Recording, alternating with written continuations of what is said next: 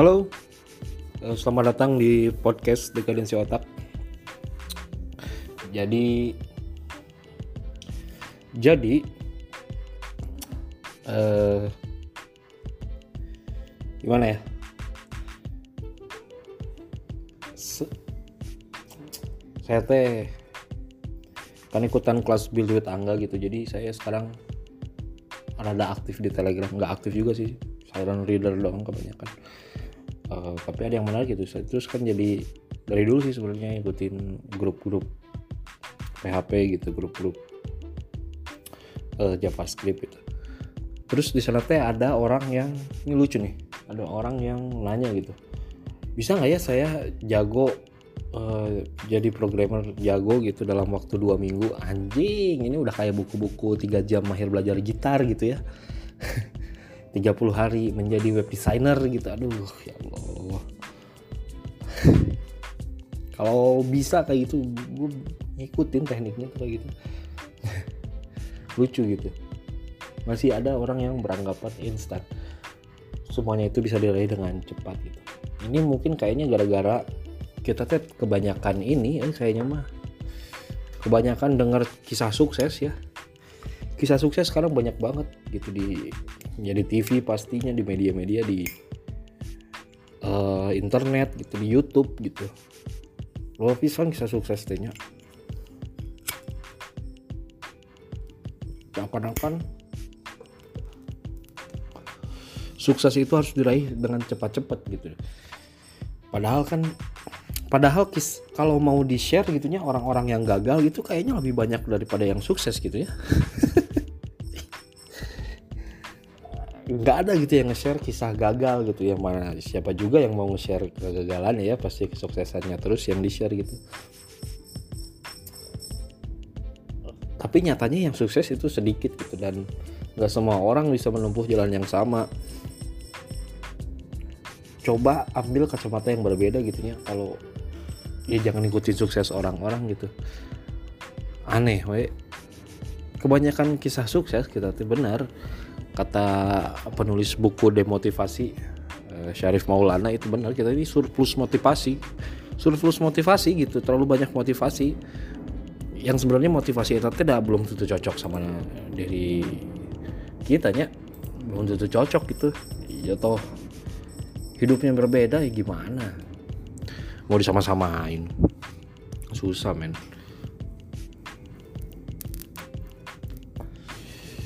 Terus uh, itu yang lucu teh. Gara-gara main tele eh gara-gara main telegram juga saya bikin channel di telegram gitu ngikutin Faris uh, websitenya itu. Saya tuh ngikutin itunya. Dulu sekarang udah nggak ada dia microbloggingnya di kanal telegram. Saya jadi ikutan bikin ah itu ah kanal telegram gitu. Lumayan eh ngurangin ngurang-ngurangin bikin status di WhatsApp ya soalnya status di WhatsApp teh bajingan eh. Bajingannya soalnya banyakannya gibah gitu no mention ya. Itu gitu anjing. Ngeselin gitu. Bisa nggak sih WhatsApp dihilangin statusnya gitu? Bisa nggak sih? Eh? gue cari ah kalau ada add-onnya gitu atau apanya gitulah toolsnya gitu untuk ngilangin status WhatsApp bisa nggak sih? Menghilangkan sesuatu gitu. Cari sekarang juga oke. okay.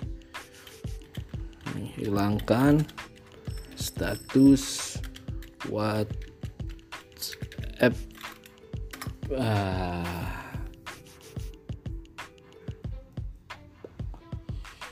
Ada wih nah ini ada nih. Bisa di ini ada nih. Dihapus kontak. Ya iyalah tahu gue juga diblokir kontak. Ya iya tahu gue juga. Apaan? Wah nggak ada nggak ada yang bagus ya. Ya udahlah jangan dibuka aja tab statusnya berarti. Aduh menyedihkan. Kadang-kadang yang sering update status tuh biasanya orang-orang yang hidupnya nggak rame sih kayaknya. Jadi dia perlu perlu perlu memamerkan kehidupannya di status WhatsApp seorang supaya orang-orang terdekatnya tahu bahwa dia bahagia gitu kayaknya. Anjing. Kayaknya begitu sih. Kasian gitu. Orang-orang yang membosankan gitu ya. Yang hidupnya membosankan. Alhamdulillahnya saya nggak pernah merasa bosan gitu ya. Ya akhir-akhir ini sih. Kayaknya sih kayaknya nggak pernah gitu. Dalam sehari saya teh anjing ini ngapain hari ini ya bosan gini alhamdulillah nggak pernah men. Asli. Caranya mah gampang ya banyakin kegiatan aja gitu. Intinya mah tanya cari hobi gitu. Mainin apa kayak ngoding kayak belajar ngoding gitu. Kalau lu suka ngelukis ya belajar ngelukis gitu. Supaya nggak main sosmed mulu gitu. Kalau lagi belajar ngoding mumet baru main sosmed gitu ya kalau main sosmed, sosmed mulu ya bosan lah. Ngelihat kesuksesan orang lain dulu ya enak lah ya. Orang kita nggak sukses sukses ya ya enak dong. Gitu men. Uh, ada tuh artikel yang gak usah cepet-cepet lah jadi programmer jago gitu. Ada cuma belum baca eh kayak itu menarik mau dibaca. Dari Wahudaman kalau nggak salah gua dia nge-share itu kalau nggak salah. Ntar gue mau cari itu mau baca nanti kayaknya. Tapi nggak tahu sih kapan. Tapi itu udah ada dalam list sih mau dibaca. Uh, kemarin-kemarin untuk menghapus kebosanan juga saya teh senang ini ya lagi sedang nulis lagi gitu. Saya memang memang suka nulis sih dari dulu. Masalahnya saya saya teh suka nulis tuh nulis kayak diary gitu ya. Curhat-curhat aja sebenarnya menulisnya mah. Tapi kalau nulis kalau tentang nulis sih udah udah biasa gitu maksudnya. Saya saya kuliah sastra juga gitu udah nggak aneh sama yang namanya nulis-nulis. Uh, cuman masalah bagus atau enggaknya itu urusan nanti ya. Pokoknya mas saya nulis mah kabari lah. Bisa gitu. Yang jadi masalah saya teh punya cita-cita untuk menjadi seorang penulis cerita gitu. Entah novel atau cerpen. Masalahnya saya nggak selalu gagal gitu ya. Saya selalu anjing ini ceritanya kok kok susah gitu bikin cerita itu. Kok orang-orang bisa gitu bikin cerita itu kok strukturnya rapi gitu. Kok bisa gitu kepikiran gitu konfliknya ini. Nah saya teh susah eh bikin cerita kayak gitu teh kemarin saya beli bukunya Putu TA yang uh, judulnya apa ya? Buku catatan untuk belajar menulis gitu kalau salah judulnya tuh itu buku bukan untuk dibaca sebenarnya untuk ditulis itu bukunya soalnya banyaknya halaman kosong gitu. Ketipu aing. Jadi itu teh buku cuman ujangan-ujangan putu TA nya cuman sedikit gitu. Sisanya halaman kosong untuk kita tulis sendiri. Bangsa tuh emang bangsa tapi dari situ saya jadi aduh saya udah dibeli nih buku gitu kan. Ya udah saya coba nulis gitu. Saya coba nulis beberapa halaman gitu. Anjing mandek nih coba nulis cerita ya. Kalau nulis curhat mah gampang saya tinggal nulis nulis aja. Ini nulis cerita anjing susah sekali tapi saya pengen gitu. Itu salah satu cita-cita saya dari dulu tuh itu saya pengen nulis cerita gitu. Cuman nggak ada yang nggak nggak pernah berhasil pasti butuh di tengah jalan masalahnya sih saya tahu sih kayaknya mah kurang pede aja untuk nge-publish gitu ya. Itu sih kurang pede nge-publish aja. Ada yang dipublish terus saya ya kurang pede lahnya kurang percaya diri sih sebenarnya mah. Kok kayak jelek gini gitu tulisan teh. Uh, makanya nanti tanggal 5 saya sudah mendaftar saya sudah beli tiket untuk kelas belajar menulis dari Raditya Dika. Anjing. Anjing emang. Uh, saya ikutin YouTube-nya Raditya Dika. Uh, akhir-akhir ini dia lagi nulis cerpen mulu ya. Udah empat cerita gitu. Dan ceritanya keren-keren sih. Bisaan gitunya ada emang penulis lahnya nah saya teh pengen seperti itu eh. Makanya saya ikutan kelas menulis online Raditya Dika ya. Lewat zoom via zoom eh, tanggal 5 nanti. Saya udah ngosongin waktunya tuh. Ya semoga aja dengan kelas saya ngikutin kelas itu ya saya bisa nulis cerita gitu. Seenggaknya cerpen aja dulu cerpen lah nggak usah novel. Novel kepanjangan ya ribet. Cerpen aja udah. Gitu. saya target saya bisa nulis cerpen yang bagus satu aja. Tapi katanya sih sebenarnya mah yang lebih baik itu kuantitas daripada kualitas men. Soalnya dengan kita banyak melakukan sesuatu gitu ya ntar pasti jelek nih awalnya jelek jelek jelek jelek jelek jelek jelek aja terus jelek lama-lama ada bagusnya gitu. Daripada mikirin gimana caranya bikin yang bagus tapi nggak jadi-jadi. Untuk masalah bikin cerita saya udah nggak pernah beres eh saya nggak pede ternyata. Ya semoga saya mencari kepercayaan diri gitu ya. Wah anjing saya udah punya ilmunya nih menulis cerita gitu. Sebenarnya untuk ilmu menulis cerita teh saya dapat juga di kuliah gitu. Masalahnya di kuliah itu nggak pernah ada eh di kuliahan saya dulu ya nggak pernah ada pelajaran untuk menulis cerita gitu. Yang ada itu menganalisa cerita mulu gitu cerita orang lain dianalisa mulu gitu ceritanya. Shakespeare lah ceritanya uh, siapa Kurt Vonnegut lah. Ceritanya George Orwell ceritanya eh, banyak lah sastrawan sastrawan barat sana ya. Kita menganalisa mulu pakai pisau bedah teori sastra ya. Tapi sebenarnya deep down in my heart I want to write a story man. Gue pengen nulis sebuah cerita gitu. Topiknya nggak usah yang berat-berat tentang cinta aja gitu ya cemen-cemen gitu tapi keren tapi pengen yang keren. Itu sih sebenarnya tujuan saya tadi. Nah dengan dengan ada tujuan itu teh uh, hidup saya jadi nggak bosen. Jarang saya merasa bosen gitu kalau udah punya tujuan. Misalkan ya ini kayak nulis gini saya pengen nulis cerpen jadi saya ikutin kelas cerpen gitu. Dan diharapkan nanti ke depannya saya bakal berlatih untuk menulis terus saya pengen jadi programmer gitu. Ya saya bakal belajar ngoding aja terus gitu ngoding tiap hari gitu ya. Walaupun cuma sedikit tapi ada ada ada pergerakan merasa produktif gitu. Nggak produktif nggak apa-apa yang penting merasa produktif aja gitu. Nggak misalkan bikin sesuatu nih nggak berguna sebenarnya itu sesuatu tuh nggak berguna. Misalkan lo mau belajar apa ya bahasa Python misalkan gitu bikin hello world aja. Wah saya sudah bikin hello world gitu. Padahal itu nggak berguna kan ya? Buat apa kita bikin hello world gitu? Buat buat apa? Kita menampilkan hello world di layar itu buat apa gitu? Tapi seenggaknya aing sudah ngoding hari ini gitu. Merasa produktif gitu. Kayak yang di fun fun function yang udah pensiun tuh YouTube-nya tuh. Dia bilang juga gitu merasa nggak apa ya apa ya?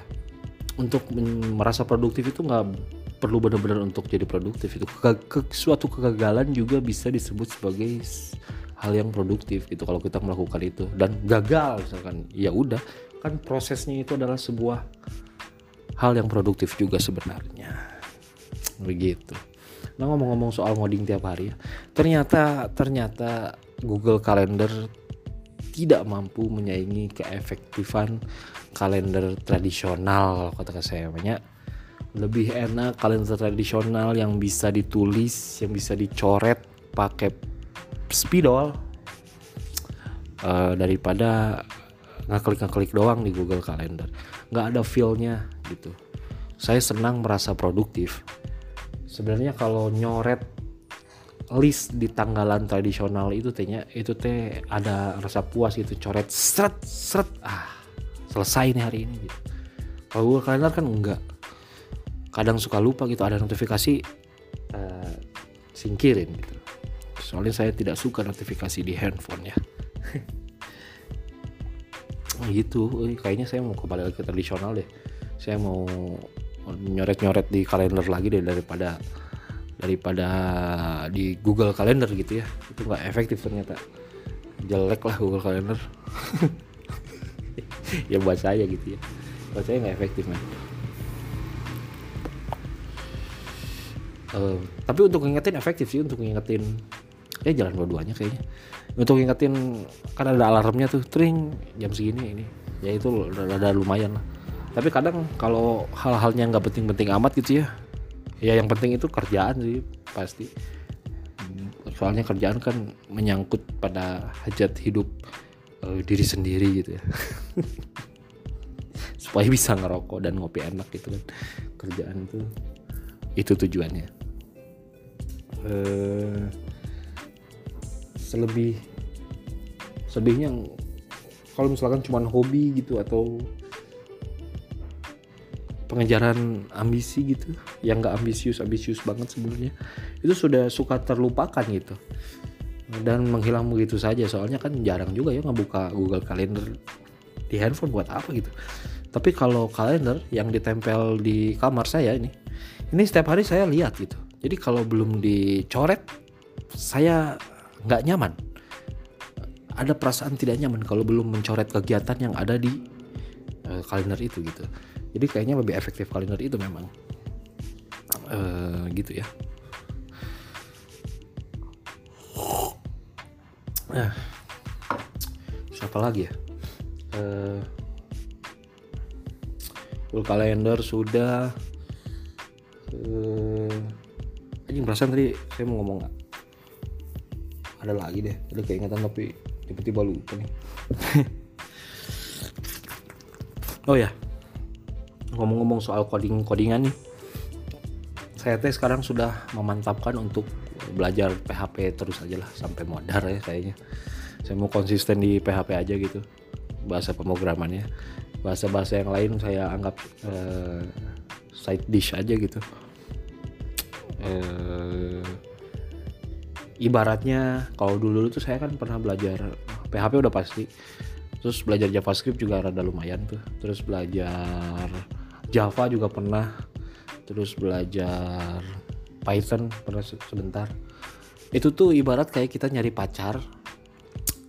Nyari pacar dan akhirnya kita menyeleksi gitu. Dan akhirnya satu orang ini nah ini yang gue mau nikahin gitu ibaratnya kayak gitu. Kayak eh, dan sekarang saya mau menikahi si PHP gitu ya kira-kira. Udahlah PHP aja gitu. Uh, emang sihnya uh, sekarang PHP itu dokumentasi di di internet itu maksudnya apa ya? Bukan dokumentasi PHP-nya maksudnya berita-berita tentang PHP di internet itu memang tidak mengenakan untuk para programmer pemula gitu. Nggak fancy lah beritanya itu nggak fancy man nggak ada berita PHP yang keren seperti berita JavaScript gitu. Atau berita uh, pemrograman Android gitu misalkan. Nggak ada yang sefancy itu gitu PHP itu. Tapi PHP masih ada tentunya tidak mati juga. Komunitasnya masih besar. Uh, salah satu yang terbesar malah. Uh, WordPress masih pakai PHP gitu. Dan banyak website di internet itu yang pakai CMS WordPress berarti PHP masih uh, berjaya. Facebook dia bangunnya pakai PHP gitu. Walaupun sekarang katanya pakai bahasa sendiri juga ya Facebook ya. Uh, ya itu udah saya mau memantapkan diri aja pakai PHP dan framework frameworknya tentunya. Sekarang saya lagi memperdalam Laravel. Dan sebenarnya ini ada yang menarik nih saya baca sesuatu eh baca pertanyaan di Quora yang nanyanya kira-kira kayak gini apakah uh, mempelajari framework itu penting uh, bagi seorang programmer. Yang dimaksudnya, yang dimaksud si penanya tentu saja framework framework yang udah ada seperti CodeIgniter, Laravel, Y gitu. Uh, terus ada yang jawab nih, yang lu maksud framework apa nih? Framework itu kan nggak perlu CodeIgniter, nggak perlu Laravel dan lain sebagainya gitu, nggak perlu. Gue juga, gue pemrogram, gue pemrogram PHP lama gue programmer lama uh, dan gue punya framework sendiri yang gue bangun sendiri gitu. Dan sampai saat ini gue kerja dengan framework yang gue bangun sendiri itu. Itu menarik ya soalnya sebenarnya memang tidak wajib gitu ya mempelajari framework. Tapi kalau lu ya memang gak wajibnya. Tapi kalau perusahaan lu mengharuskan lu pakai Laravel bos lu nyuruh lu pakai Laravel ya pelajarilah Laravel gitu. Kalau bos lu nyuruh lu pakai code igniter ya pelajarilah code igniter gitu. Tapi kalau bos lu nggak nyuruh pakai apa-apa yang penting jadi ya udah aja pakai aja apa pun yang menurut lo enakan gitu yang menurut lo nyaman. Uh, gue pun sampai sekarang masih pakai framework sendiri. Bukan berarti framework gue keren enggak lebih karena program-program yang saya bikin itu cemen. Lebih karena program-program saya bikin itu cemen. Itu aja. Dan sekarang saya lagi belajar Laravel. Lagi belajar Laravel. Saya pengen bisa pakai Laravel ya. Di sekolah coding mumpung masih gratis ya sebelum nanti bayar biasanya gitu tuh. Ini Mas Hilman. Biasanya begitu uh, gratis gratis gratis ntar yang, yang gratis ini masih yang cemen-cemen nih. Materinya masih cemen-cemen banget. Ntar kalau udah masuk ke materi yang susah-susah baru bayar nih. Aduh. Ya tapi memang harus seperti itu ya. Kalau nggak kayak gitu ya gak akan jalan lah sekolah codingnya. But I respect sekolah coding man. Saya respect banget sama sekolah coding. Saya ngefans banget sama sekolah coding. Saya beli jaketnya sekolah coding. Wah, mantap. Kaosnya sekolah coding juga saya beli saya support sekali sekolah coding.